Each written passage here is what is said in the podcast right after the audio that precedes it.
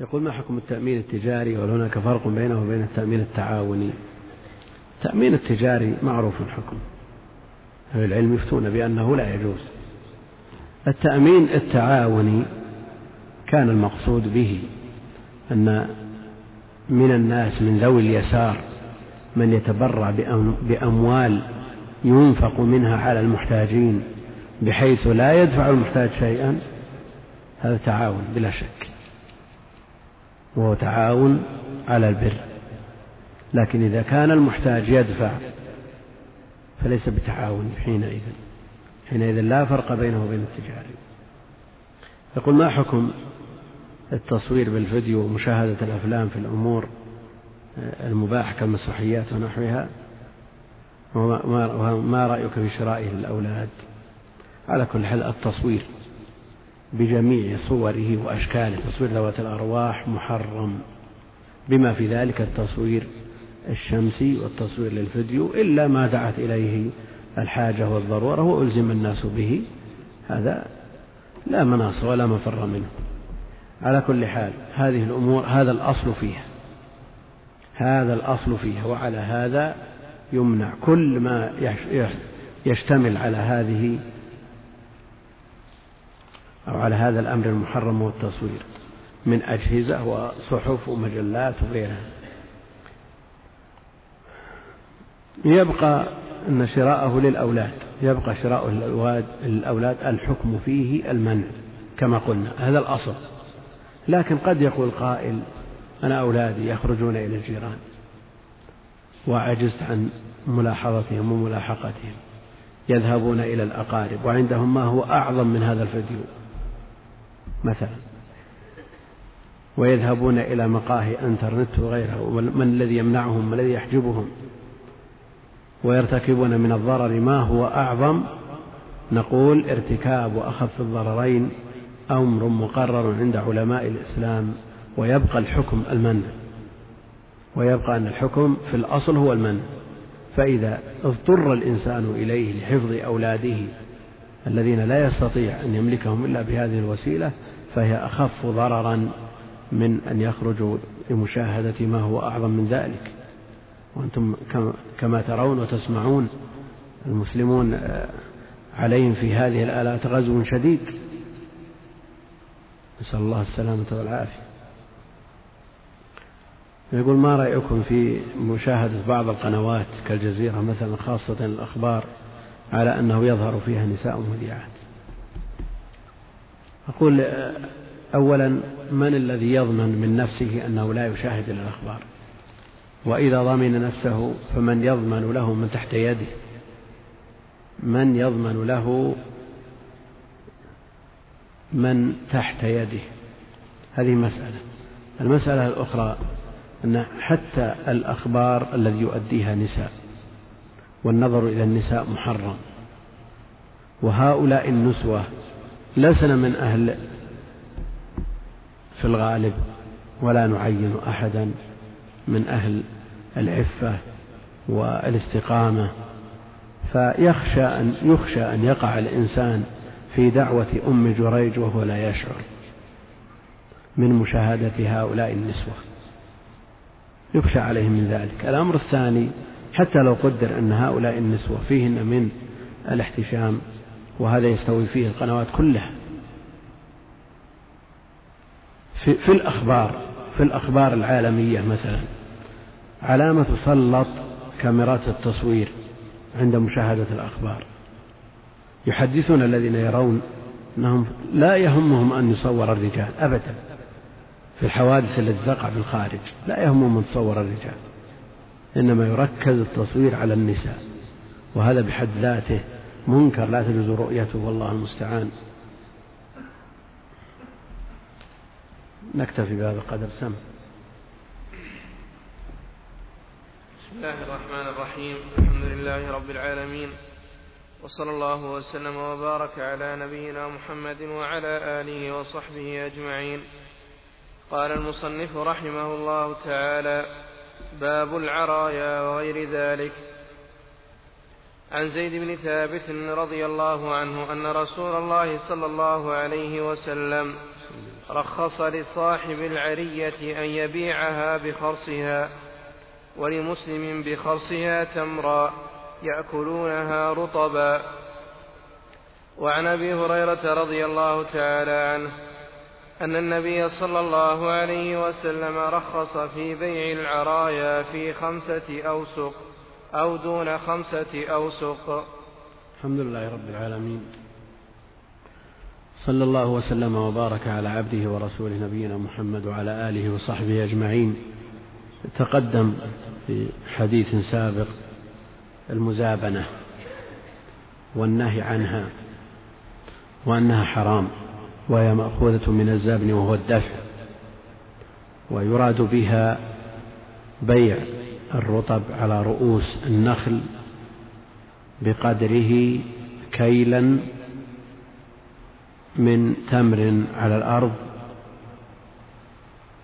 والسبب في ذلك عدم التساوي عدم التساوي. لأنه لا يمكن التساوي بين رطب وبين جاف. ولذا لما سأل النبي عليه الصلاة والسلام أينقص الرطب إذا جف؟ قال نعم. قالوا نعم. قال فلا إذن.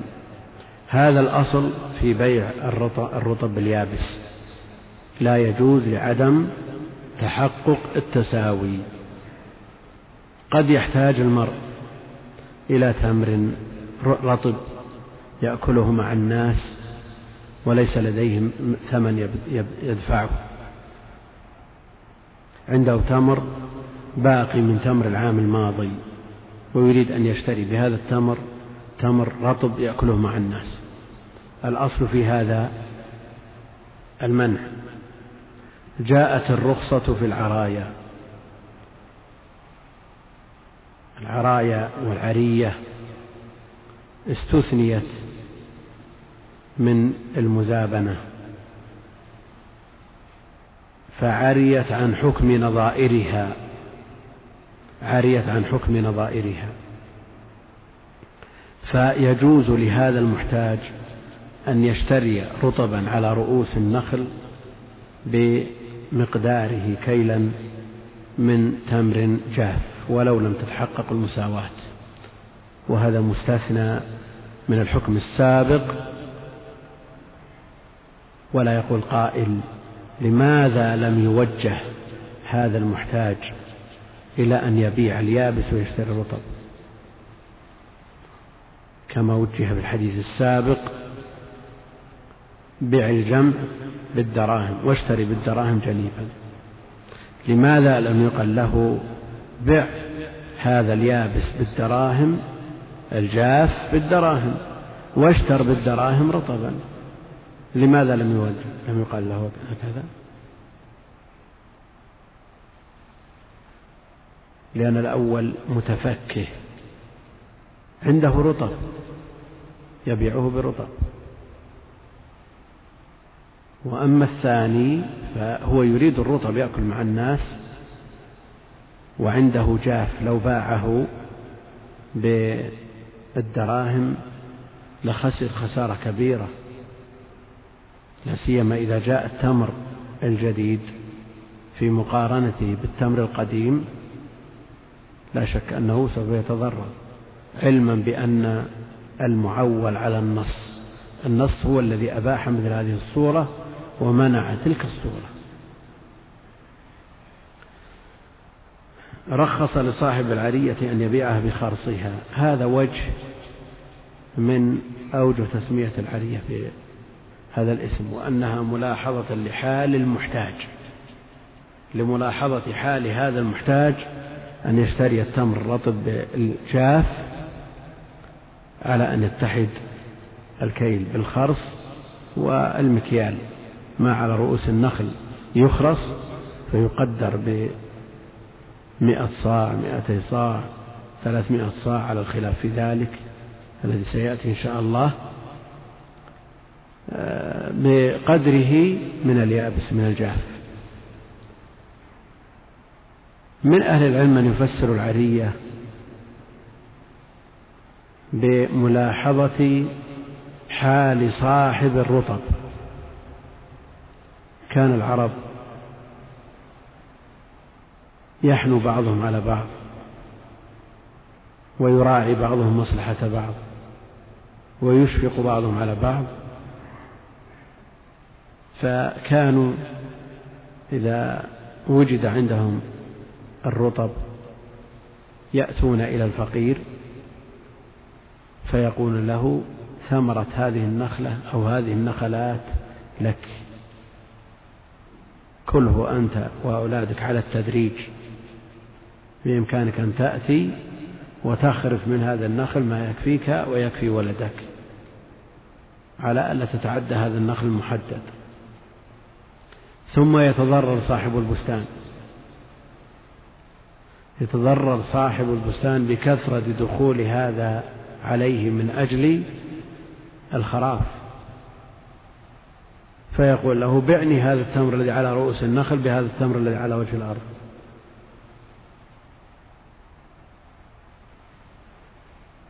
هذا تفسير لبعض أهل العلم والحكم واحد. كله مزابنة سواء قلنا إن الملاحظ فيها مصلحة المحتاج أو مصلحة صاحب النخل. من بعض الناس يكون عنده بستان كبير ثم يشفق على جاره أو قريبه المحتاج فيقول هذه النخلات لك خمسة أوسق فما دون. ثم يتضرر صاحب البستان من كثرة ما يدخل هذا.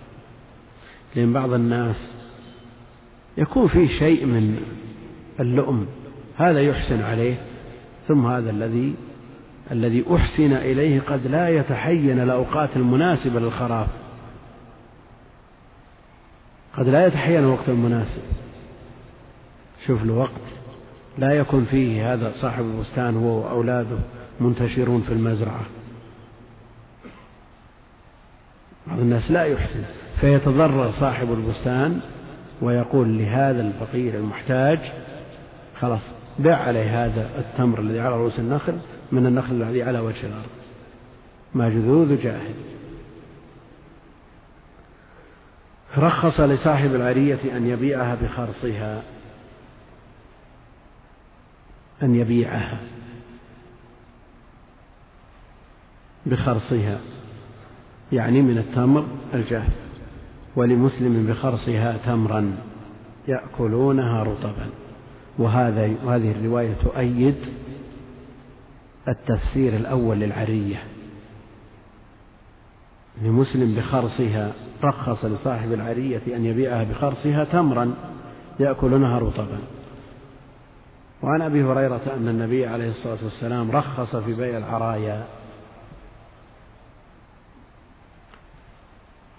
في خمسة أوسق أو دون خمسة أوسق أو هذه للشك. شك من الراوي. هل قال النبي عليه الصلاة والسلام خمسة أوسق أو قال دون خمسة أوسق؟ أو قال دون خمسة أوسق.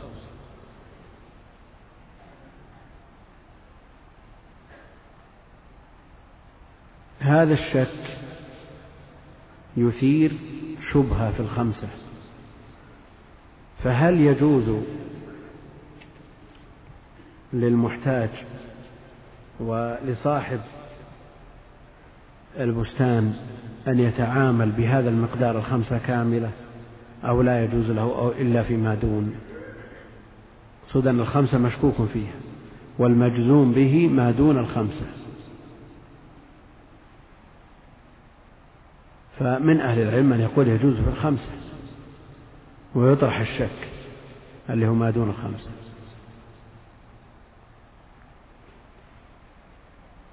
ومنهم من يقول المجزوم به ما دون الخمسة فلا يجوز أن يبلغ بالقدر الذي يتفق عليه في العرايا إلى الخمسة وهذا هو الأحوط. خمسة الأوسق الوسق ستون صاعا والخمسة الأوسق كم تكون؟ ثلاثمائة صاع.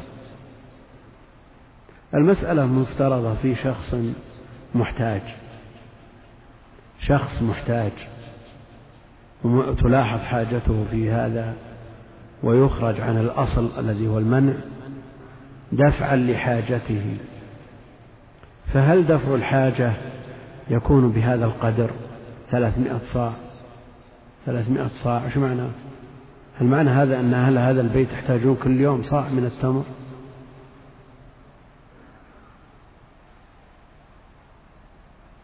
الحاجة الآن ثلاثمائة صاع. والذي قررها وحددها الشرع وإذا كانت حاجته أقل من ثلاثمائة صاع يجوز له أن يتعامل بهذه بهذا النوع. في الثلاثمائة كاملة أو يقتصر على قدر الحاجة لأنها على خلاف الأصل للحاجة والحاجة تقدر بقدرها. أو نقول إن أو هنا للتقسيم وليست للشك. وحينئذ بعض المحتاجين يحتاج إلى ثلاثمائة صاع وبعض المحتاجين يحتاج إلى دون خمسة أوسق. دون ثلاثمائة صاع وحينئذ تكون الحاجة بقدرها. فالذي لا يحتاج رجل وزوجته في بيت وهم محتاجون إلى أن يأكلوا رطب مع الناس مثل هؤلاء. يمكن يكفيهم وسق واحد. طول السنة يكفيهم وسق واحد. هل يجوز لهؤلاء أن يأخذوا خمسة أوسق نقول هذا مقيد بالحاجة والحاجة تقدر بقدرها. لو افترضنا أن هذا المحتاج عنده أربعة بيوت كل بيت مملوء عنده أربع زوجات وكل زوجة عندها عشرة أولاد وهؤلاء بحاجة إلى عشرة أوسق ما يكفيهم خمسة أوسق. نقول الشرع حدد الجواز بالخمسة أوسق فما دون. هل لمثل هذا المحتاج أن يتعامل بالعرية مع شخص بخمسة أوسق ومع آخر بخمسة أوسق أخرى أو ليس له ذلك؟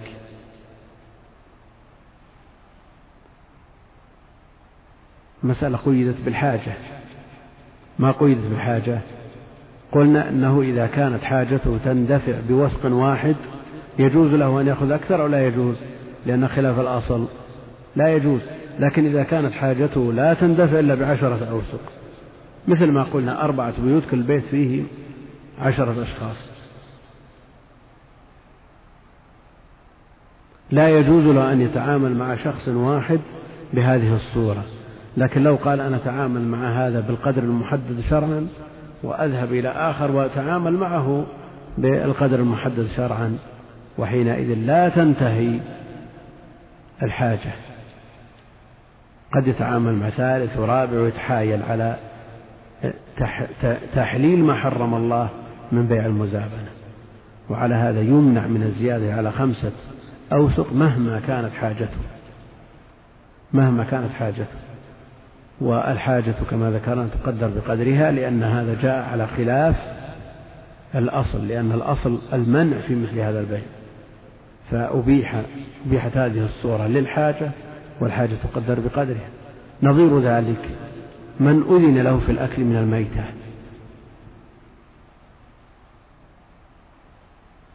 هذا مضطر. إن لم يأكل من هذه الميتة يموت. أذن له أن يأكل من الميتة للضرورة. هل يجوز له أن يشبع باعتبار أنه أذن له أن يأكل؟ أو يأكل بقدر ما يقيم صلبه ويدفع به هذه الضرورة. يأكل بقدر حاجته.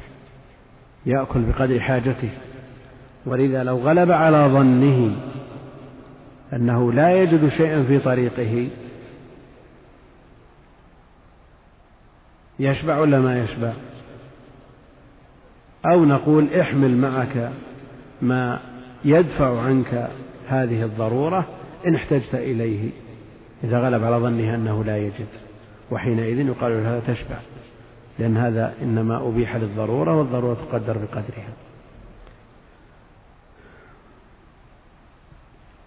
نعم. وعن عبد الله بن عمر رضي الله عنهما أن رسول الله صلى الله عليه وسلم قال من باع نخلا قد أبرت فثمرها للبائع إلا أن يشترط المبتاع. ولمسلم من ابتاع عبدا فماله للذي باعه إلا أن يشترط المبتاع. وعنه رضي الله تعالى عنه أن رسول الله صلى الله عليه وسلم قال من ابتاع طعاما فلا يبعه حتى يستوفيه وفي لفظ حتى يقبضه. وعن ابن عباس رضي الله عنهما مثله. نعم. حديث عبد الله بن عمر رضي الله عنهما أن رسول الله صلى الله عليه وسلم قال من باع نخلا قد أبرت أو أبرت بالتشديد والتخفيف والمراد بذلك معنى التأبير هو التلقيح. يؤخذ شيء من طلع الذكر من النخل ويوضع بين ما تنتجه الأنثى. هذا هو التأبير. من باع نخلا قد أبرت فثمرها للبائع. باع نخل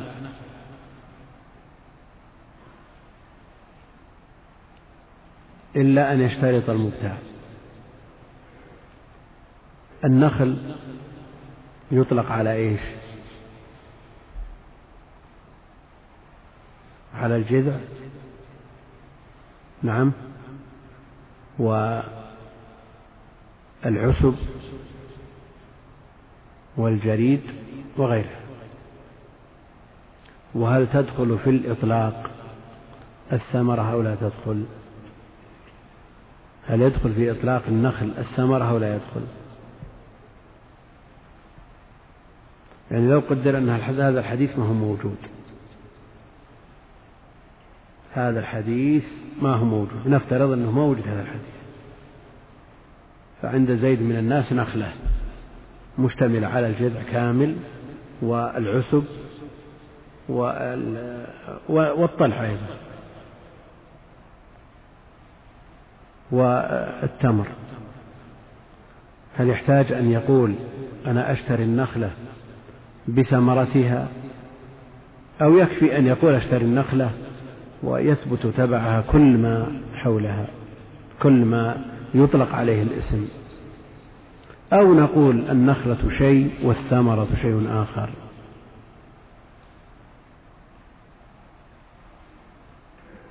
نعم. الثمرة موجودة. هذه نخلة. التمر يتدلى منها موجود. فقلت لزيد من الناس بعني هذه النخلة. يحتاج أن تقول بعني هذه النخلة بتمرها؟ أو لا يحتاج؟ النماء نماء السلع ينقسم إلى متصل ومنفصل. متصل ومنفصل. أنت إذا اشتريت شاة في جوفها حمل وعلى ظهرها صوف وفي ثديها لبن. يحتاج أن تقول بأني هذه الشاة بصوفها ولبنها وحملها؟ يحتاج. أو تقول بأني هذه الشاة باعتبار أن هذه الأمور كلها متصلة بها لا لا يلزم من ذلك آه، ذكر هذه الأمور. واشتراطها معه. إنما المتصل. لكن إذا إذا قلت إذا رأيت مع زيد من الشاة ومعها ولد يمشي. نعم؟ مع رخلة. تمشي معه. هل يحتاج أن تقول بأن هذه الشاة وهذه الرخلة ولا ما يحتاج؟ هذا منفصل لابد أن تذكر. التمر في حكم المنفصل ولا المتصل؟ نعم؟ نعم. متصل ولا منفصل؟ هو وإن كان متصل حقيقة إلا أن الحديث يدل على أنه بعد التأبير في حكم المنفصل وقبل التأبير في حكم المتصل. ظاهر ولا مو الحديث من باع نخلا قد أبرت. فثمرها للبائع. إلا أن يشترط المبتاع يشترط المشتري. بأني هذه النخلة على أن تكون هي وثمرتها. أنا أريد أن أشتري هذه النخلة بطلعها بثمرتها. إذا اشترط لا بأس المسلمون على شروطهم. لكن إذا لم يشترط فبعد التأبير الطلع للبائع لأنه هو الذي تعب عليه. وقبل التأبير الطلع ليش لمن؟ للمشتري. وهي من جهة تشبه المنفصل ومن جهة أخرى فيها شوب اتصال.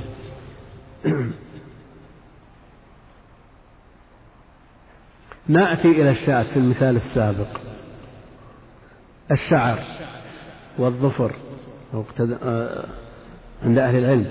الشعر والظفر. هل هما متصلان أو منفصلان؟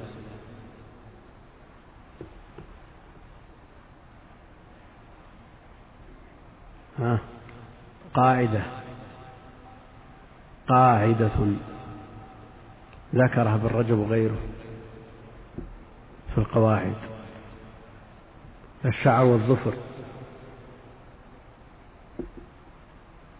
نعم متصل ولا منفصل؟ وسيأتي ذلك أو الإشارة إلى ذلك في حكم بيع الميتة في الحديث الذي يليه.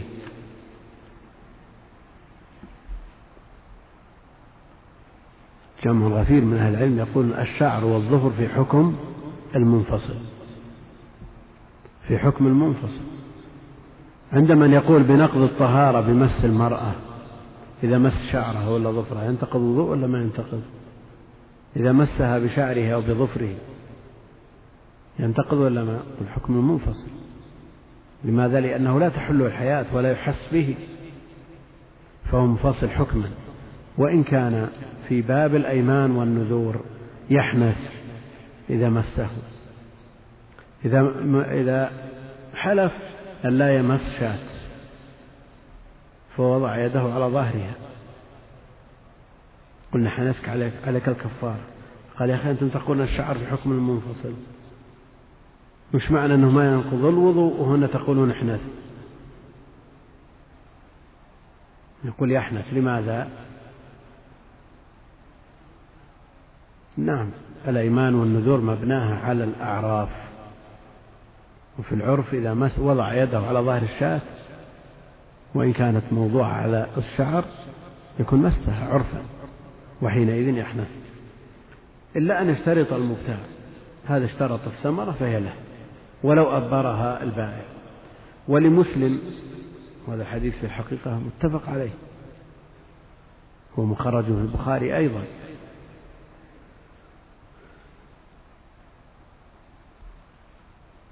لماذا المصنف عزاه لمسلم فقط؟ لأنه بحث عنه في كتاب البيوع.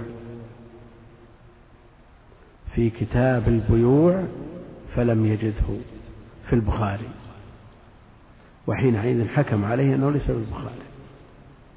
كثير من أهل العلم يحكمون على أحاديث معزوة للبخاري أن هذا وهم ولا يوجد في البخاري. لأن البخاري له ملاحظ دقيقة قد يجعل الحديث في غير مظنته. لأمر خفي دقيق لحظه لم يحفظ غيره. هذا من فقهه رحمه الله. فالإمام رحمة الله عليه كثير من أهل العلم يقول حديث ضباعة بنت الزبير في الاستثناء في الحج لم يخرجه البخاري والواقع أن البخاري خرجه. لماذا؟ قالت إني أريد الحج وأجدني شاكية قال حجي واشترطي فإن لك على ربك ما استثنيت. بعض العلماء قال ما خرجه البخاري هو في البخاري. لماذا؟ لأنه وجد عن بحث عنه في كتاب الحج في الإحصار في الفوات في ما في شيء. من يتصور أن البخاري يضع هذا الحديث في كتاب النكاح؟ من يتصور أن البخاري يضع هذا الحديث في كتاب النكاح لمعنى دقيق جدا.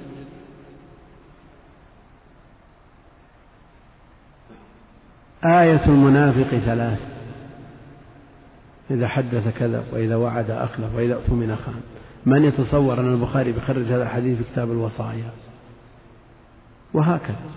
فعلى طالب العلم أن لا يجزم بنفي الحديث من خلال البحث في موضوعه. فإن البخاري له ملاحظ دقيقة تخفى على كثير من أهل العلم فضلا عن المتعلمين. ولذا الحافظ عبد الغني من أنه من كبار الحفاظ عزاه لمسلم وهو موجود في البخاري. والله المستعان. من ابتاع عبدا فماله للذي باعه إلا أن يشترط المبتاع. العبد له مال. العبد له مال. يملك العبد. لا يملك. العبد لا يملك. وإن قال مالك إنه يملك بالتمليك. على كل حال على قول مالك إذا ملكه العبد فماله تبع. ماله للذي باعه لسيده إلا أن يشترط المبتاع. يقول اشتريت هذا العبد وما لديه من مال. على قول من يرى وهم الأكثر أن العبد لا يملك بالتمليك. كيف يكون له مال؟ أدواته الخاصة به. ثوبه شماغه حذاؤه نظارته قلمه. هذه أمواله. تنسب إليه باعتبار أنه هو الذي يباشرها. وهذه الأموال تكون تبعا له في البيع أو تكون لسيده الذي باعه إلى أن يشترطها المبتاع. نعم. مقتضى الحديث أنها للسيد للذي باعه إلا أن يشترط المبتاع.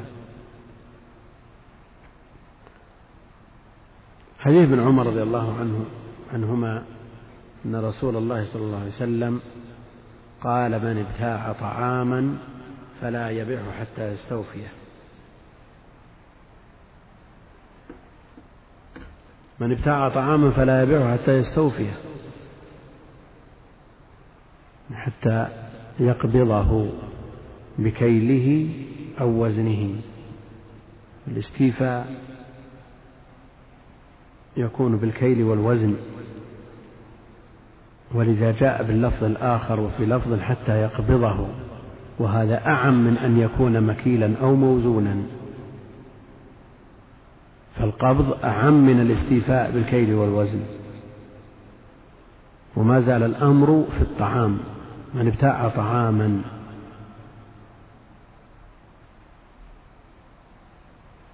وعن ابن عباس مثله. من ابتاع طعاما فلا يبيعه حتى يستوفيه. نهى أن يبيع الرجل طعاما حتى يستوفيه في لفظ لمسلم حتى يقبضه وفي آخر حتى يكتاله. وعلى هذا لا يجوز بيع الطعام بحال حتى يقبض وحتى يستوفى. إن بيع بالكيل يستوفى بالكيل. إن بيع جزاف يستوفى بإيش؟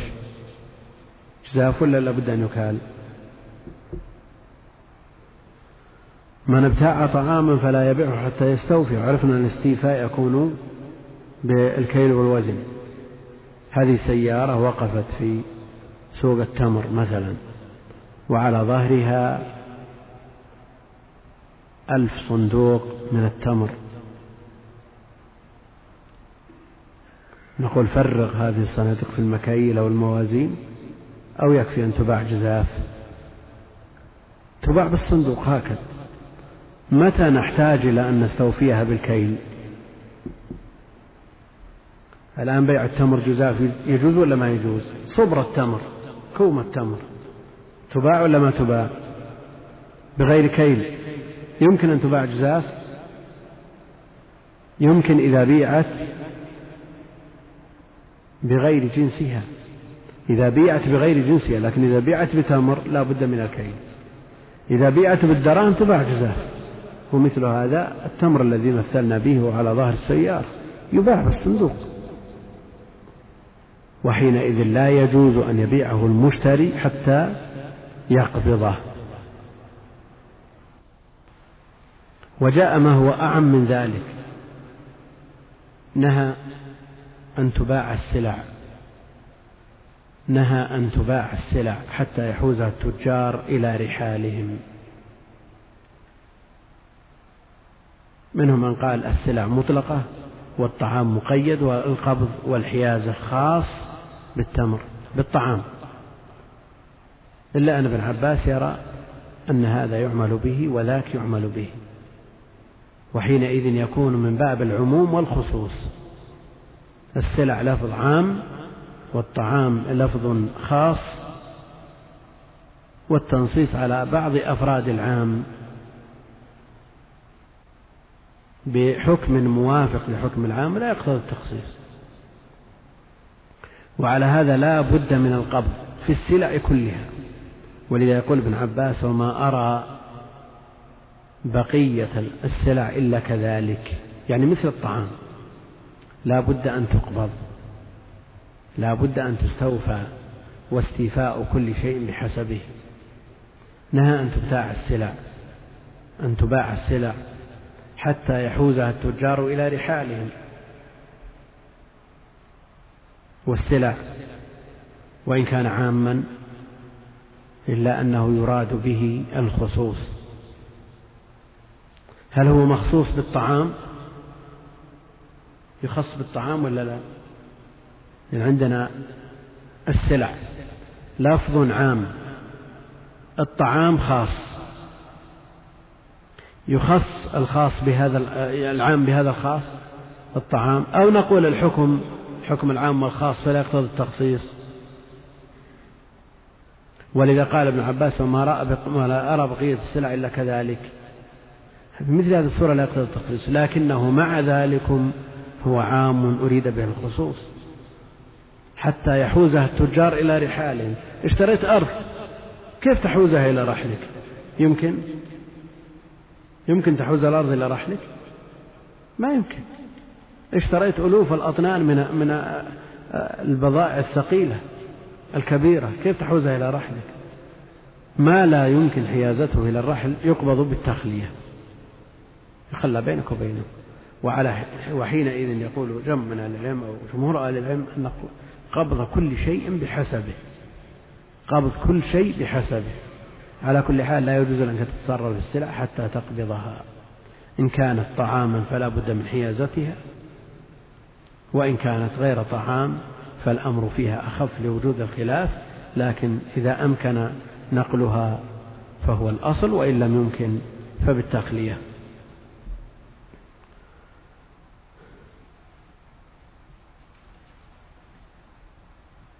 السلعة طعام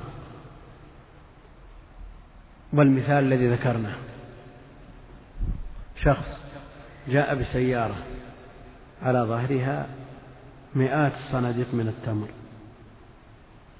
وحرج عليها في سوق التمر باعه كم الصندوق؟ خمسة عشر عشرين ثلاثين أصيبك. هذا الذي اشترى يريد أن يبيع.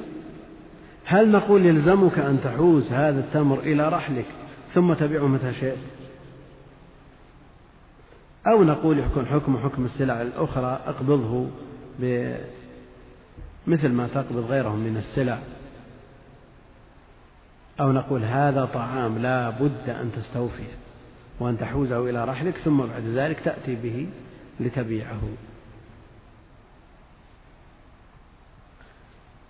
من ابتاع طعاما فلا يبيعه حتى يستوفيه. في لفظ حتى يقبضه.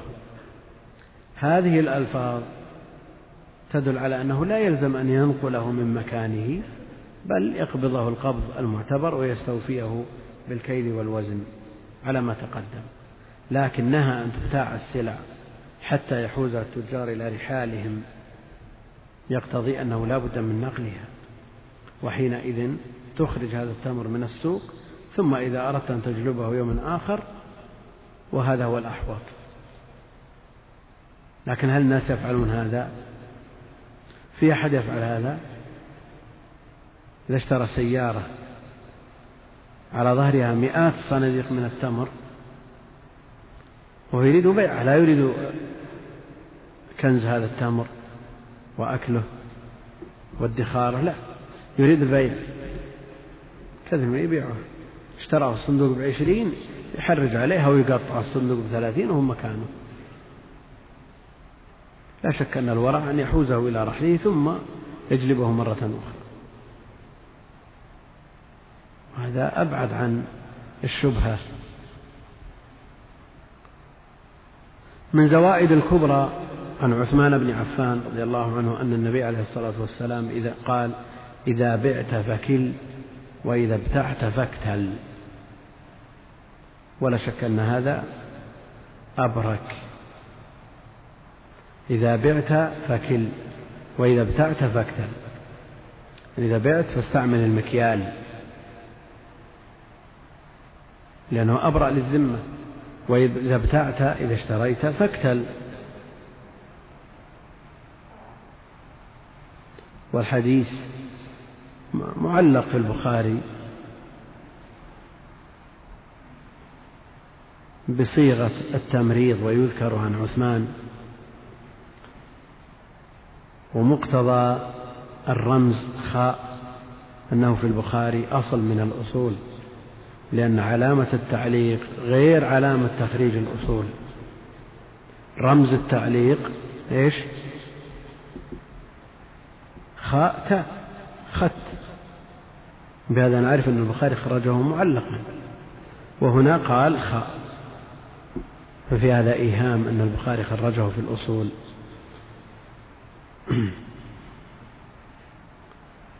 إذا بعت فكل هذا أمر بالكيل.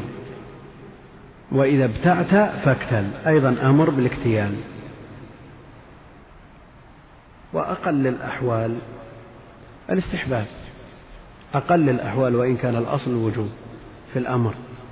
عائشة رضي الله عنها كان عندها شعير تأكل منه. طالت مدته طالت مدة هذا الشعير فكالته. ففني.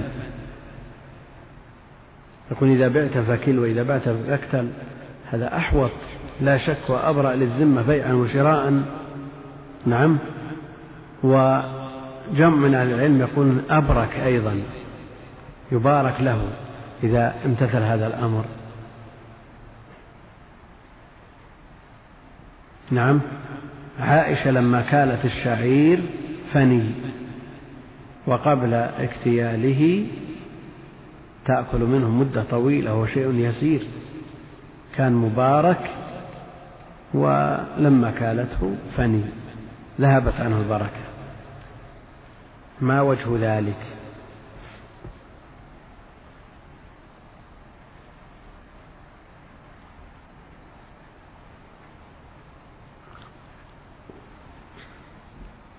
ما وجه ذلك؟ السلعة قبل تمام ملكها إنما تملك بالكيل والاستيفاء الدقيق. إبراء للذمة إبراء للذمة. فإذا ملكت هذا الشعير مئة صاع ابتعته اكتل هات الصاع وكله واحدا بعد الآخر حتى تتم المئة. لا شك أن هذا أبرأ للذمة. فإذا اشتريته وتم ملكك عليه وديته البيت سواء كان شعير حنطة تمر حينئذ لا تكله. لئلا تنزع منه البركة. لماذا؟ لأن مسألة الكيل. كل يوم تدخل للمستودع زاد نقص. نعم. تعدد ما شاء الله هذا بقي واحد اثنين ثلاثة أربعة. ليش نقص هذا؟ ليش زاد هذا؟ في المستودع مثل هذا يدل على عدم الثقة بالله عز وجل. أن تواثق بما عندك من التموين على ما يقول الناس. ليش زاد واحد؟ ليش نقص واحد؟ اتركه. فإذا انتهى قالوا انتهى وهات غيره. لا تكن دقيقا في مثل هذه الأمور ليبارك لك في ذلك. وبعض الناس إذا دخل البيت أول ما ينحر المستودع ليش زاد هذا؟ ليش نقص هذا؟ هذا يعاقب بنزع البركة. ومن فوض أمره إلى الله واعتمد عليه واتكل عليه وترك الأمور كما هي تمشي بالبركة على ما يقول الناس يبارك له فيه ومتى ما فني متى ما انتهى. يقال هات. فمن هذه الحيثية الدقة في الحسابات أيضا. دليل على شيء من آه، عدم الثقة بالله عز وجل. قد يقول قائل بعض الناس يحسبون بدقة الميزانية الراتب كذا. يخرج منه كذا لكذا وكذا وكذا. وهذا على مستوى الدول وعلى مستوى الأفراد الميزانيات. وبعض الناس يأتي بالراتب ويرميه في الصندوق وكل يوم يسحب منه ما يحتاج ويبارك له فيه ودليل على أنه واثق بالله مطمئن بما عنده. لماذا؟ لأن هذه الدنيا ليست مقصد. هي دار ممر ليست دار مقر. لكي تحسب وتتعب نفسك وتفني عمرك فيما لا ينفع. زاد نقص. انتهى فني. ليش؟ الرسول عليه الصلاة والسلام يقول ما أحب أن يكون لي مثل أحد ذهبا. تأتي علي ثالثة وعندي منه دينار. إلا دينارا أرصده لدين. ثم قال إلا أن أقول به هكذا وهكذا وهكذا. ينفقه من بين يديه ومن خلفه عن يمينه وعن شماله. هذا الأصل. والله كم بقي بالراتب كم انتهى من الراتب كل يوم يحاسب وكل يوم يحاسب. هذا دليل على عدم الثقة بالله عز وجل. ولذا لما كالت عائشة رضي الله عنها الشعير فني. والذي يترك أموره ويصرف. وينفق على نفسه وعلى من تحت يده مع التوسط والاعتدال غير إسراف ولا تقدير. تجعل يدك مغلولة إلى عنقك ولا تبسطها كل البسط. إن المبذرين كانوا إخوان الشياطين. ليس معنى هذا أن الإنسان يبذر ويصير عالة على الناس يتكففهم لا. وليس معنى هذا أن يكون جماعا للمال مناعا له. لا. لا بد أن يتوسط في أموره ويضع في حسابه ونصب عينيه أن الدنيا ليست غاية إنما هي ممر. ومتاعها الذي لا يوصله ويبلغه إلى مرضات الله عز وجل هذا لا ينفع. هذا وبال عليه. والغنى كما قال النبي عليه الصلاة والسلام غنى النفس. ليس الغنى عن كثرة العرض كم من شخص مرتبه يسير وهو مبسوط ومرتاح غني النفس. وكم من غني عنده الأموال الطائلة الملايين ومع ذلك هو في حكم الفقراء. لما جبل عليه من الشح والهلع والبخل نسأل الله العافية فهذا الفقراء أحسن حالا منه. والله المستعان. نعم. حديث جابر. تأذن؟ تفضل. نعم. عن جابر بن عبد الله رضي الله عنهما أنه سمع رسول الله صلى الله عليه وسلم يقول عام الفتح إن الله ورسوله حرم بيع الخمر والميتة والخنزير والأصنام. فقيل يا رسول الله أرأيت شحوم الميتة؟ فإنه يطلى بها السفن ويدهن بها الجلود ويستصبح بها الناس. فقال لا هو حرام. ثم قال رسول الله صلى الله, صلى الله عليه وسلم عند ذلك قاتل الله اليهود إن الله تعالى لما حرم شحومهم شحومهما جملوه ثم باعوه. فأكلوا ثمنه جملوه أذابوه. يقول المؤلف رحمه الله تعالى عن جابر بن عبد الله رضي الله عنهما أنه سمع رسول الله صلى الله عليه وسلم يقول عام الفتح وهو بمكة في السنة الثامنة من الهجرة إن الله ورسوله حرم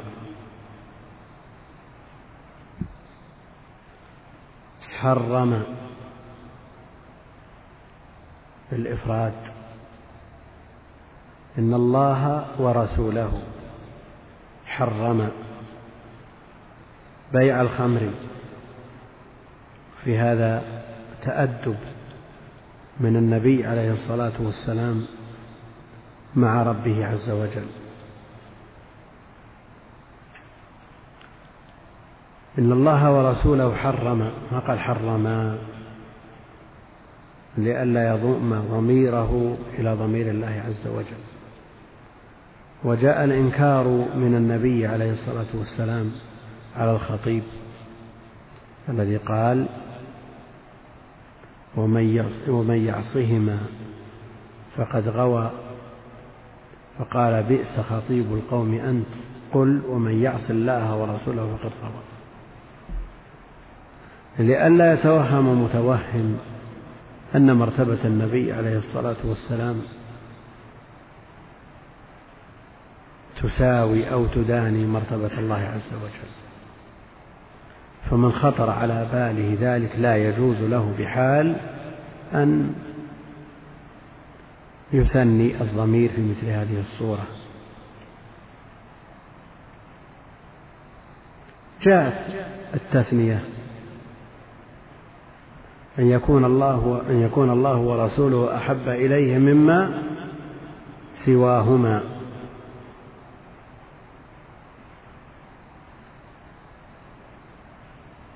إن الله ورسوله ينهيانكم. في حديث أبي إيش؟ عن لحوم الحمر الأهلية. جاءت التثنية. فمن أهل العلم من يقول أن للنبي عليه الصلاة والسلام أن يثني وليس لغيره أن يفعل ذلك. ومنهم من يقول أن حديث النهي حديث الاستدراك على الخطيب منسوخ بفعله عليه الصلاة والسلام. وعلى كل حال من الأدب أن لا يجمع بين ضمير الله عز وجل وضمير رسوله عليه الصلاة والسلام. كثيرا ما نرى هذا قد يوجد في المساجد فوق المحراب فوق المحراب دائرة مكتوب فيها الله وهنا محمد. حكم هذا العمل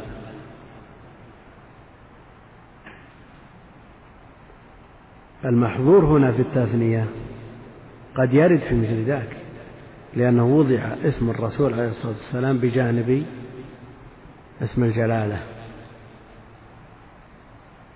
وعلى حد سواء يعني لو وضعت دائرة فيها لفظ الجلالة وتحتها محمد ينتفي المحظور ولا ما ينتفي؟ إذا وضعتا متقابلتين يعني هذه في متساويتين من كل وجه. قد يقول قائل إن هذا يشم منه التسوية. وقد يقال لا سيما إذا لم يرد على خاطر من فعل ذلك هذه التسوية. لماذا؟ لا يجوز مثل هذا العمل وقد جاء في تفسير قوله جل وعلا ورفعنا لك ذكرك قال لا أذكر حتى تذكر معي أشهد أن لا إله إلا الله أشهد أن محمد رسول الله. من هذه الحيثية لا مانع أن يذكر مثل هذا. وأنه لا يذكر الله إلا يذكر معه النبي عليه الصلاة والسلام لأن الله هو الذي رفع ذكره. لكن إذا شككنا أو كنا في بلد أو مجتمع قد يخطر على بال أحد من أولئك أن التسوية ينبغي أن يمنع سدا للذريعة أحيانا يكتب.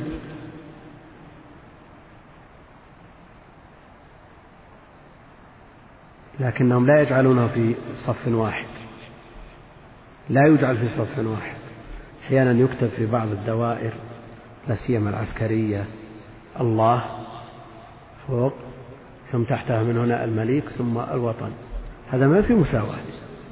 المحظور لو لو جعلت في صف واحد. نعم. مع أنه من وجهة نظري ينبغي أن لا يكتب مثل هذا بالكلية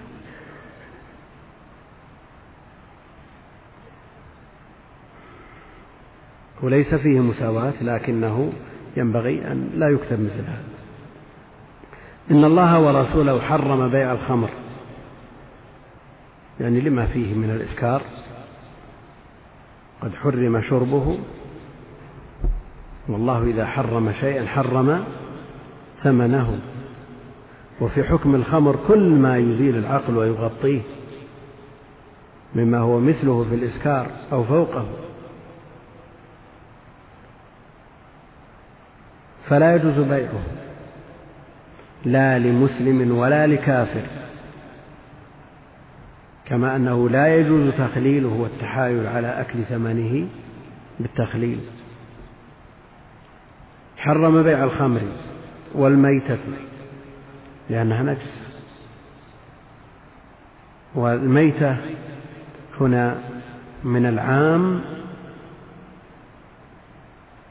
الذي يراد به الخصوص. فما أبيح أكله من الميتة يجوز بيعه ولا ما يجوز؟ يجوز يجوز بيع السمك الميت ولا ما يجوز؟ نعم. كيف؟ يجوز بيعه ولا ما يجوز؟ كيف؟ المقصود أنه إذا جاز أكله وهو ميتة لا يدخل في التحريم. لا يدخل في التحريم. يجوز بيع آه، الجراد وهو ميت والسمك حوت وهو ميت لأنه يجوز أكله وهو ميت.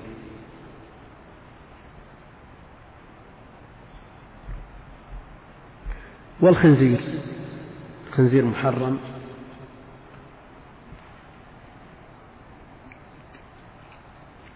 يقول هذا جيب ذهبي. يرجى منه أن يخرجه لأنه مقفل على أحد الإخوة.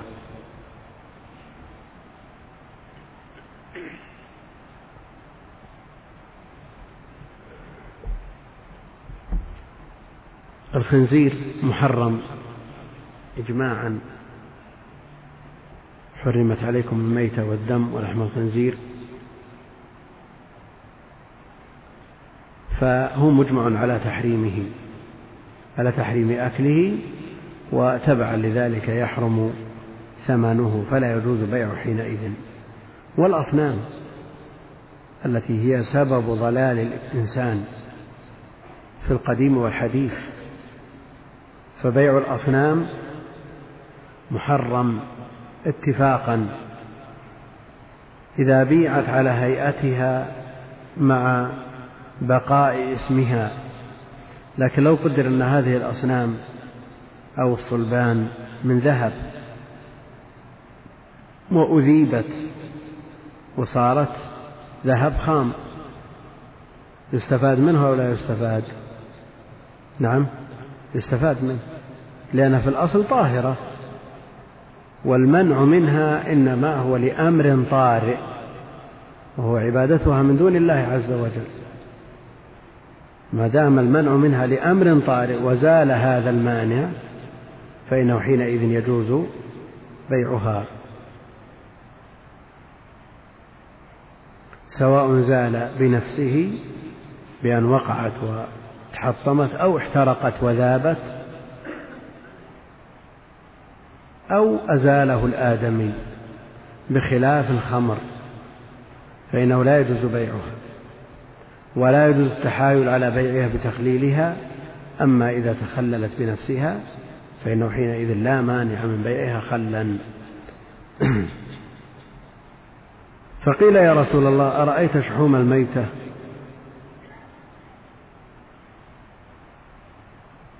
الميتة.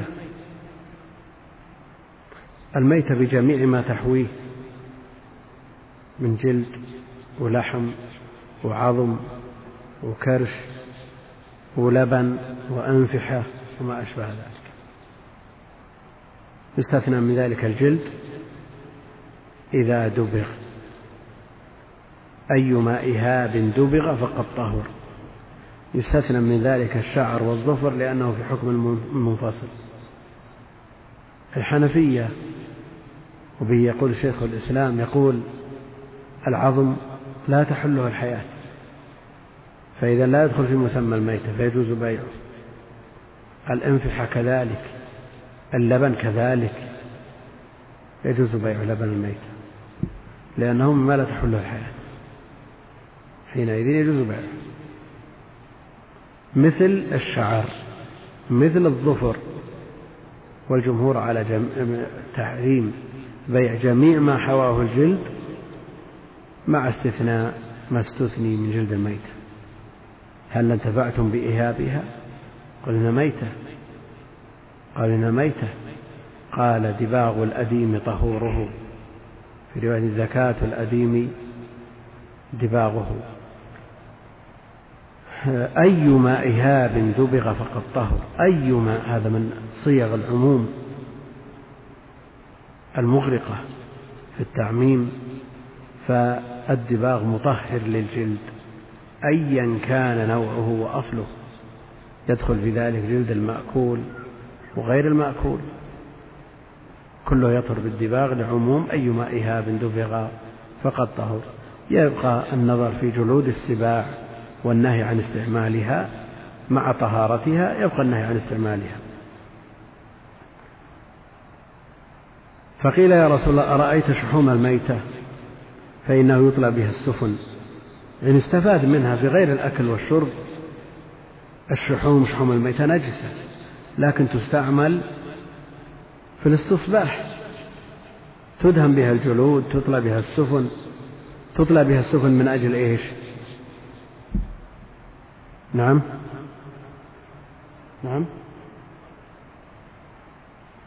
السفن من خشب. فيطلى بها السفن لئلا تشرب الماء لأن الدهن ينبو عنه الماء ينبو عنه الماء فلا يشرب الخشب الماء. يطلى بها السفن وتدهن بها الجلود. تلين الجلود إذا كانت يابسة طليت بالدهون لانت ويستصبح بها الناس. يعني قبل الكهرباء كانت المصابيح تضاء بالشحوم. بالشحوم قال عليه الصلاة والسلام لا هو حرام.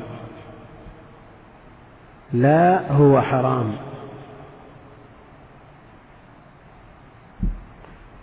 لا هو حرام. الآن الوقف على لا حكمه. نعم. نعم لازم. لماذا؟ لأن الوصل يحيل المعنى. يحيل المعنى. ليس في القرآن وقف لازم. لماذا؟ لأن الوصل يحيل المعنى. فلا يحزنك قولهم. إيش؟ إن العزة لله جميعا. لأنك لو وصلت صارت العزة إن العزة لله جميعا مقول القول. وهذا لا يحزنه بحال. فلا بد من الوقف اللازم هنا. وهل نحن بحاجة إلى أن نأتي بالواو؟ إذا قلت لشخص تفضل فقال لا أغناك الله. يحتاج أن تقول لا وأغناك الله. أو تقف وقف لازم على ضوء ما جاء في الكتاب والسنة ويكفي.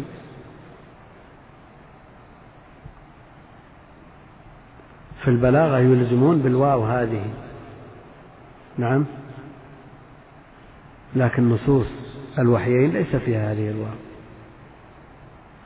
لا وسلمك الله. لا وأغناك الله. تقول هكذا. عندهم يلزمون بهذه الواو لكن النصوص فلا يحزنك قولهم قف. إن العزة لله جميعا. قال لا. هو حرام لأنك إن وصلت كأنك جعلت لا نافية. إذا ليس هو حرام. فانقلب المعنى. ينقلب المعنى.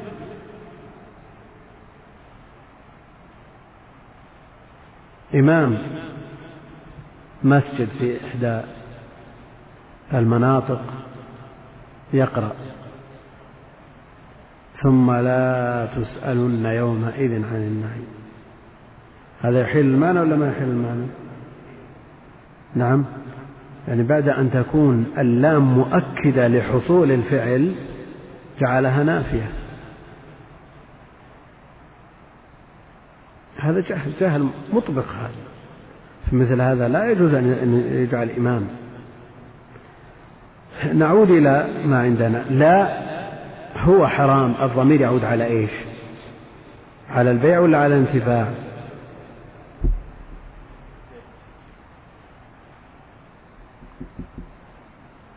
نعم.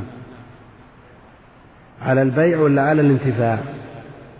يجوز أن تنتفع بالدهن المتنجس أو النجس ولا يجوز أن تبيعه إذا قلنا أنه يعود على البيع ويجوز الانتفاع وإذا قلنا إنه لا يجوز الانتفاع ومن باب أولى لا يجوز البيع.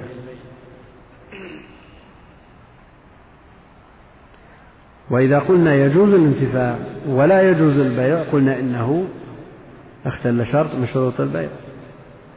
أن تكون العين مباحة النفع بلا حاجة. تكون مثل بيع الكلب وغيره.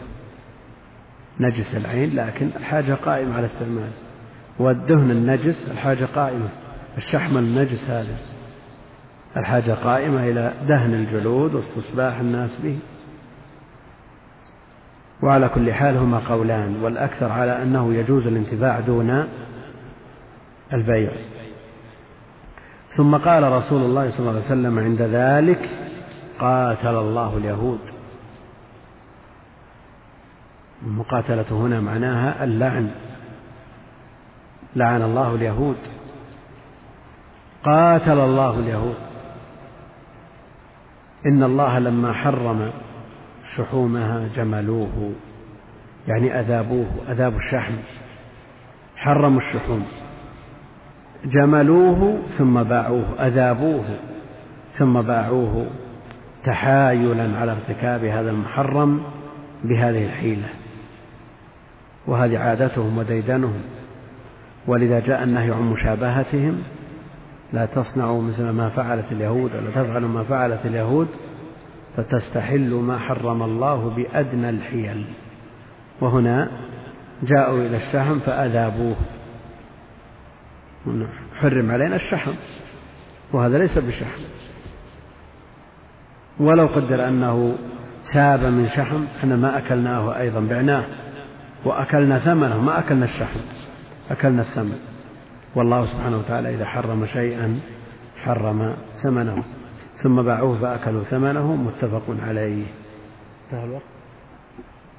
خلاص.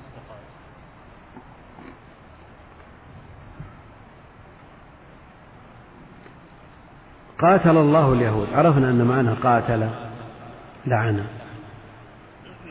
المقاتلة هنا بمعنى اللعن.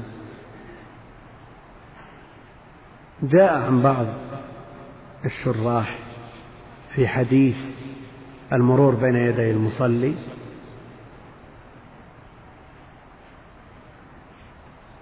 إذا صلى أحدكم إلى شيء يستره فأراد أحد أن يجتاز بين يديه فليدفعه. فإن أبى فليقاتله. فإن أبى فليقاتله. وفي رواية فإن معه القريب. قال بعضهم يقاتله بالسب والشتم. لأن المقاتلة تطلق ويراد بها اللعن. يعني إذا أراد أن يمر دفعهما على كلام إيش؟ ماذا يصنع؟ نعم. يلعنه بالصلاة فليقاتلهم بالسب والشتم على ما جاء في الحديث. قاتل الله اليهود يعني لعنهم. فليقاتله يعني ليلعن. هو بالصلاة وكأنه فر من لفظ المقاتلة. كيف؟ هل عنده سلاح ليقاتله؟ شو معنى يقاتله؟ معناه يدفعه بما هو أشد من الدفع الأول حتى ينتهي. وليس معنى هذا أنه مجهز مسدس مخباته وممر. نعم لا ليس هذا. ليس هذا ولا ذاك. ليس معناه أنه يقتله وليس معناه أنه يشب يسبه ويشتمه ويلعنه. لا. إنما يدفعه دفعا أشد ويطلق على المقاتل المدافعة الشديدة يطلق عليها مقاتلة. يطلق عليها المقاتلة. والله المستعان. اللهم صل وسلم وبارك على عبدك ورسولك محمد وعلى آله وصحبه أجمعين. الأسئلة يا الأخوان ما أدري كيف نصنع بها. كثيرة جدا. الأسئلة كثيرة جدا. يقول يقترح هذا وما يقترح وما أسحن الاقتراح. لكن يقترح أن يجاب على الأسئلة الخاصة بالدرس ويمكن التنبيه على الإخوة. يعني يقصد الأسئلة الخاصة بموضوع البيوع وما يمر بنا من مسائل يجاب عليها وما عدا ذلك يترك. على كل حال بعض الأسئلة وإن كانت خارج الدرس ولا وبعيدة عن الدرس إلا أنها لها من الأهمية ما يجعلها تستحق التقديم على غيرها. والآن أسئلة كثيرة جدا يعني تحتاج إلى وقت طويل والله المستعان. اللهم صل وسلم وبارك على عبدك ورسولك محمد وعلى آله وصحبه أجمعين. السلام عليكم ورحمة الله وبركاته. الحمد لله رب العالمين وصلى الله وسلم وبارك على عبده ورسوله نبينا محمد وعلى آله وصحبه أجمعين. عدد كبير من الأسئلة.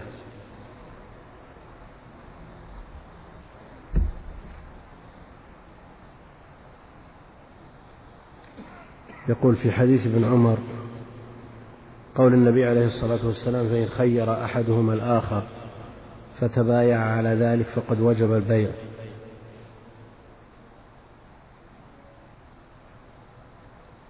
وإن تفرقا فقد وجب البيع. السؤال ملفق الحقيقة ما هو. يقول ما الفرق بين وجوب البيع في الجملة الأولى وبين وجوب البيع في الجملة الثانية؟ كأنه يشير إلى الفرق بين خيار المجلس وخيار الشرط. فخيار المجلس ينتهي بالتفرق بالأبدان وعليه يلزم البيع. فلا يكون لأحد مندوحة من الطرفين من لزومه إلا بالإقالة. آما ذكرنا. وأما إن اشترط الخيار مدة معلومة أو اشترط اللا خيار فقد وجب البيع في الحال.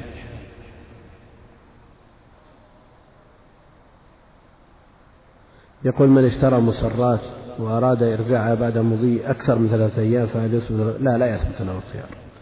إذا مضى عليه أكثر من ثلاثة أيام فقد انتهت مدة الخيار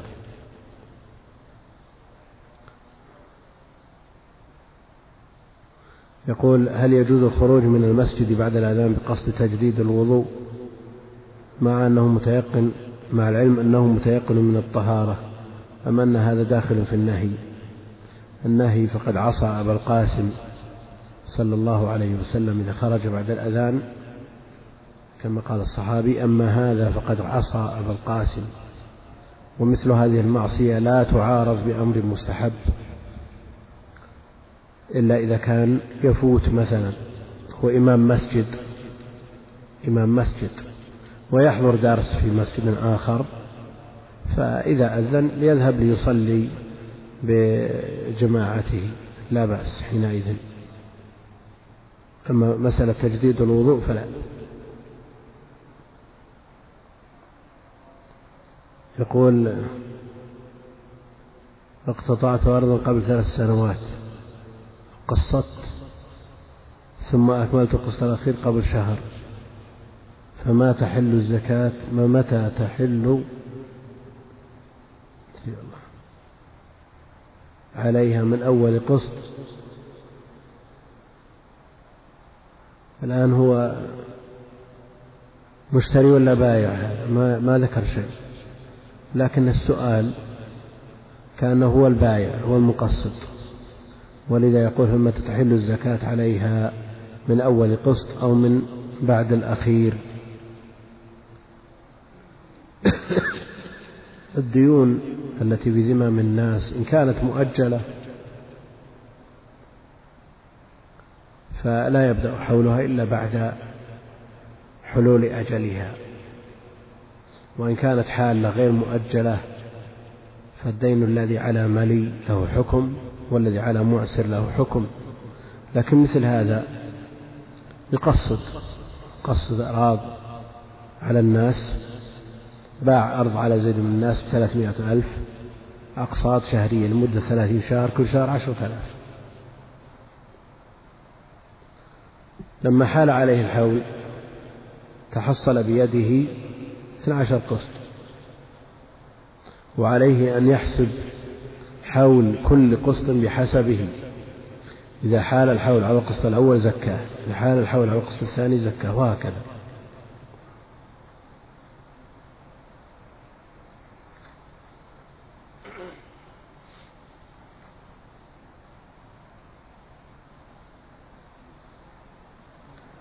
بيع بعض الوكالات مثل وكالة إيش للسيارات بالتأجير فما الحكم؟ بيع بالت... كيف بيع بالتأجير؟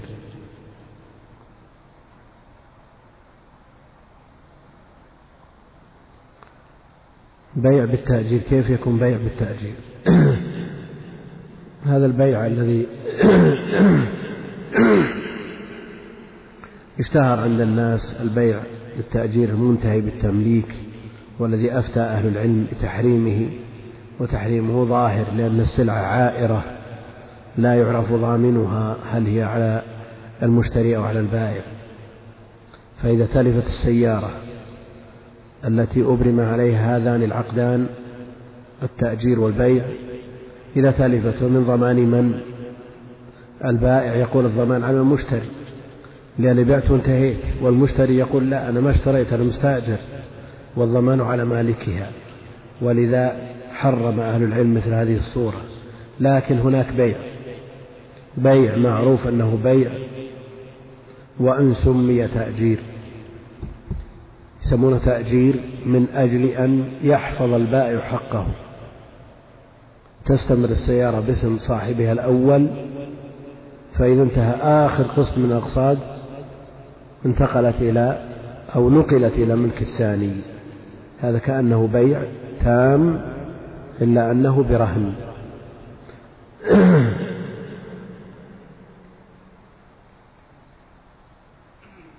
يقول هل ينطبق ما ورد في قصة عائشة رضي الله عنها ذهاب البركة يعني في الشعير في عد المال سواء كان في الجيب أو في البيت أو متابعة الحساب وتدقيقه في البنك؟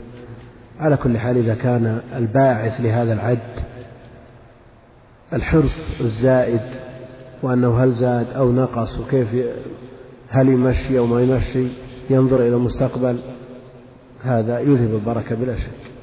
لكن كان القصد منه التأكد من المبلغ الذي معه ليشتري به سلعة معينة قيمتها كذا وكذا لا بأس. يقول آه، أفضل الطبعات في صحيح البخاري. وأيضا من في حفظ البخاري. البخاري الحفظ والقراءة لا فرق. يقول أفضل الطبعات في قراءة صحيح البخاري وأفضل الطبعات لحفظ صحيح ما لا فرق. أفضل الطبعات على على الإطلاق الطبعة السلطانية التي طبعت سنة 1311 وعليها فروق الروايات وصورت أخيرا لأنها موجودة مصورة ومعتنى بها. عناية فائقة. يقول من المعروف أن سبايا المسلمين من الكفار يعتبرون عبيد وبعد ذلك أسلم الكفار ثم أنجبوا أطفال وهم على الإسلام فهل الأطفال يكونون عبيدا؟ نعم. لأن الرق عجز حكمي سببه الكفر في البداية ثم يتناسل هؤلاء وإن أسلموا وإن أسلموا يثبت عليهم حكم الرق حتى يتم تحريرهم والشرع يتشوف العتق على ما سيأتي في حديث بريرة إن شاء الله تعالى.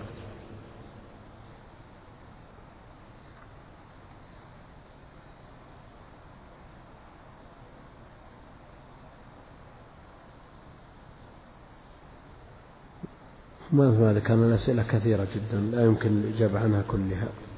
سم. بسم الله الرحمن الرحيم.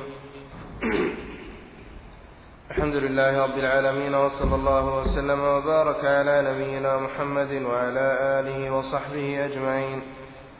قال المصنف رحمه الله تعالى باب السلم. عن عبد الله بن عباس رضي الله عنهما قال قدم النبي صلى الله عليه وسلم المدينة وهم يسرفون في الثمار السنتين والثلاث. فقال من أسلف في شيء فليسرف في كيل معلوم ووزن معلوم إلى أجل معلوم. يقول المؤلف رحمه الله تعالى باب السلم والسلم والسلف معناهما واحد والمقصود منه أن يقدم الثمن وتؤخر السلعة المبيعة. تشتري من مزارع طعاما تقدم له القيمة على أن يحضر لك هذا الطعام بعد سنة أو بعد ستة أشهر. لا بد من الأجل المعلوم المحدد ولا بد من الكيل المعلوم والوزن المعلوم. فلما قدم النبي عليه الصلاة والسلام المدينة مهاجرا من المعلوم أن الأنصار أهل حرث وزرع وجدهم يسلفون في الثمار في الثمار من التمور والحبوب وغيرها. السنتين والثلاث السنتين والثلاث. في لفظ العام والعامين في لفظ العامين والثلاثة على كل حال السلم إذا حدد أجله ولو طال أمده. فإذا جاز السلم في سنتين جاز في ثلاث وهكذا. وإذا جاز في ثلاث جاز في خمس. فقال عليه الصلاة والسلام من أسلف في شيء أسلف وأسلم بمعنى واحد. من أسلف في شيء فليسلف في كيل معلوم. لا بد من أن يكون القدر المسلم فيه محدد. ووزن معلوم في كيل معلوم إذا كان من المكيلات. ووزن معلوم إذا كان من الموزونات إلى أجل معلوم لا بد أن تكون المدة محددة. لأن جهالة الأجل ينتج عنها الضرر الكبير لأحد الطرفين ولا شك ويحصل فيها الخصام والنزاع. من أسلف في شيء فليسلف في كيل معلوم. السلف والسلم عرفنا صورته أن يشتري سلعة آجلة بثمن حال يسلم يسلم ويسلم ويقدم في فيسلم في مجلس العقد. ومن هنا سمي السلم وسمي السلف. السنتين من أسلف في شيء من أسلف في شيء نكرة في سياق الشرط تعم كل شيء. ولذا يرى بعض أهل العلم أنه يجوز في كل شيء يمكن تسليمه عند حلول أجله إذا انضبط وصفه سواء كان مطعوما أو غير مطعوم سواء كان مكيلا أو مزونا أو معدودا أو مذروعا أو معروفا بصفة. لأن كان شيئا واحدا. مصنوع مثلا. فقوله عليه الصلاة والسلام فليسلف في كيل معلوم ووزن معلوم هذا على سبيل المثال. وخرج مخرج الغالب لأنهم إنما يسلفون في المكيلات والموزونات. ومقتضى قوله من أسلف في شيء أن السلف يجوز في كل شيء. وهل يشترط في السلم أن يكون البائع مالك لأصل السلعة؟ هل يشترط أن يكون مالك للبستان؟ مالك للنخيل التي أسلم في ثمرتها؟ مالك للأشجار التي أسلم في نتاجها؟ مالك للمصنع الذي أسلف في إنتاجه. لو جئت إلى مصنع سيارات وقلت له هذه مئة ألف موديل ألفين وأربعة كم تبيعون موديل مئتين وأربعة؟ كان نبيعه نقد مئة وأربعين مثلا. فقلت له هذه مئة ألف. على أن تعطيني في, في يصل إلي في يوم كذا والوصف كذا وكذا وكذا إلى آخره بحيث لا يتغير. يصح السلام ولا ما يصح؟ هو مالك للمصنع وضابط للوصف. مقتضى قوله من أسلف في شيء يعم المطعوم غير المطعوم.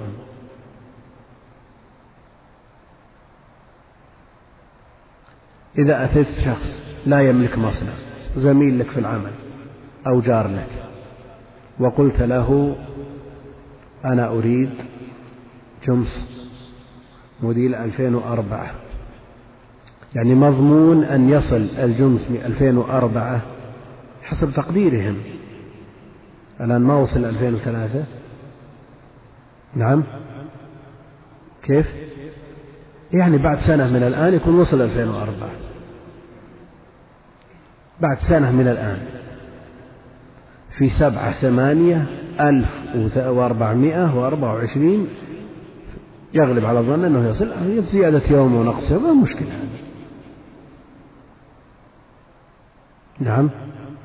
أو من باب الاحتياط يقول هذه مئة ألف حضر لي جمس ألفين وأربعة يوم عيد الفطر. يكون ما في احتمال أنه ما وصل. زميله في العمل أو جاره ما عنده مصنع. هل يشترط أن يكون البائع مالك للسلعة ولا يشترط؟ مالك لأصلها.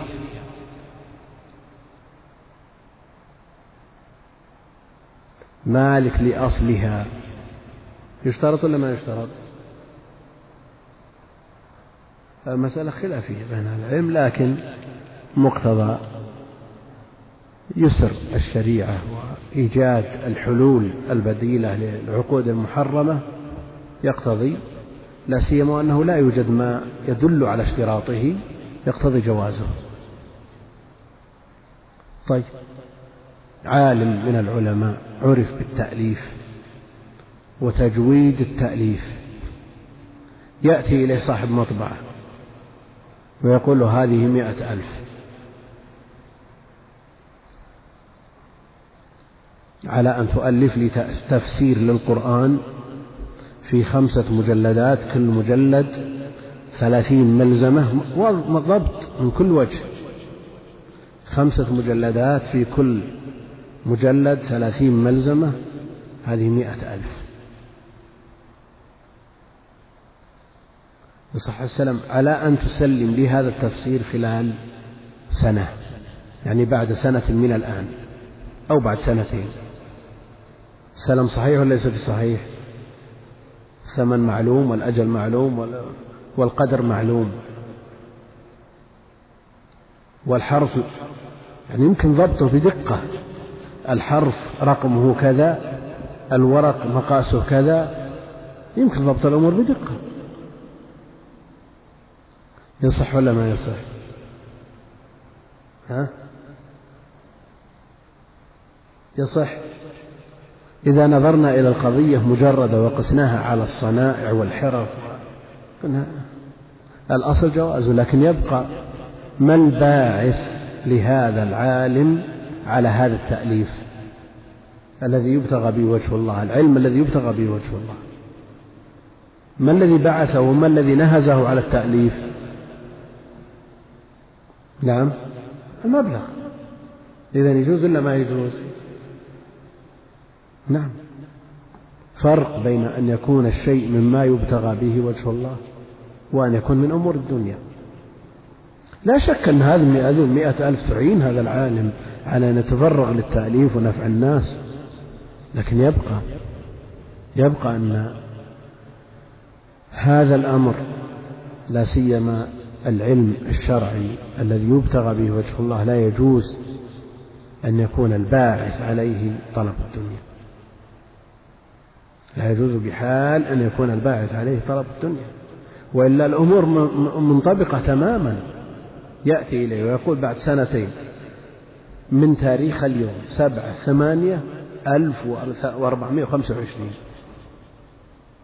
هذه مئة ألف. على أن تحضر لي في هذا التاريخ المحدد؟ تفسير في خمسة مجلدات تفسير للقرآن في خمسة مجلدات.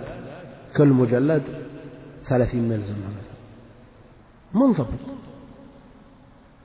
لكن يبقى أن هذا العلم مما يبتغى به وجه الله. فلا يجوز أن يكون الباعث عليه أمر الدنيا. أما ما عدا ذلك من الأمور التي هي في الأصل للدنيا يألف له قاموس في الطب مثلا. شو المانع؟ فيه ما يمنع؟ نعم ليس فيه ما يمنع. يؤلف له في أي علم من العلوم التي لا يبتغى بها وجه الله. يعني في الأصل وإلا بالإمكان أن الصانع يبتغي بصناعته وجه الله. الزارع المزارع يبتغي بزراعته وجه الله. لكن هي في الأصل لا.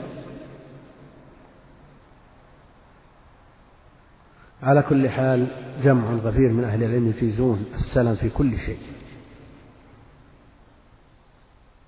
في الصناعات يمكن الأشياء المنضبطة تحضر لي بعد.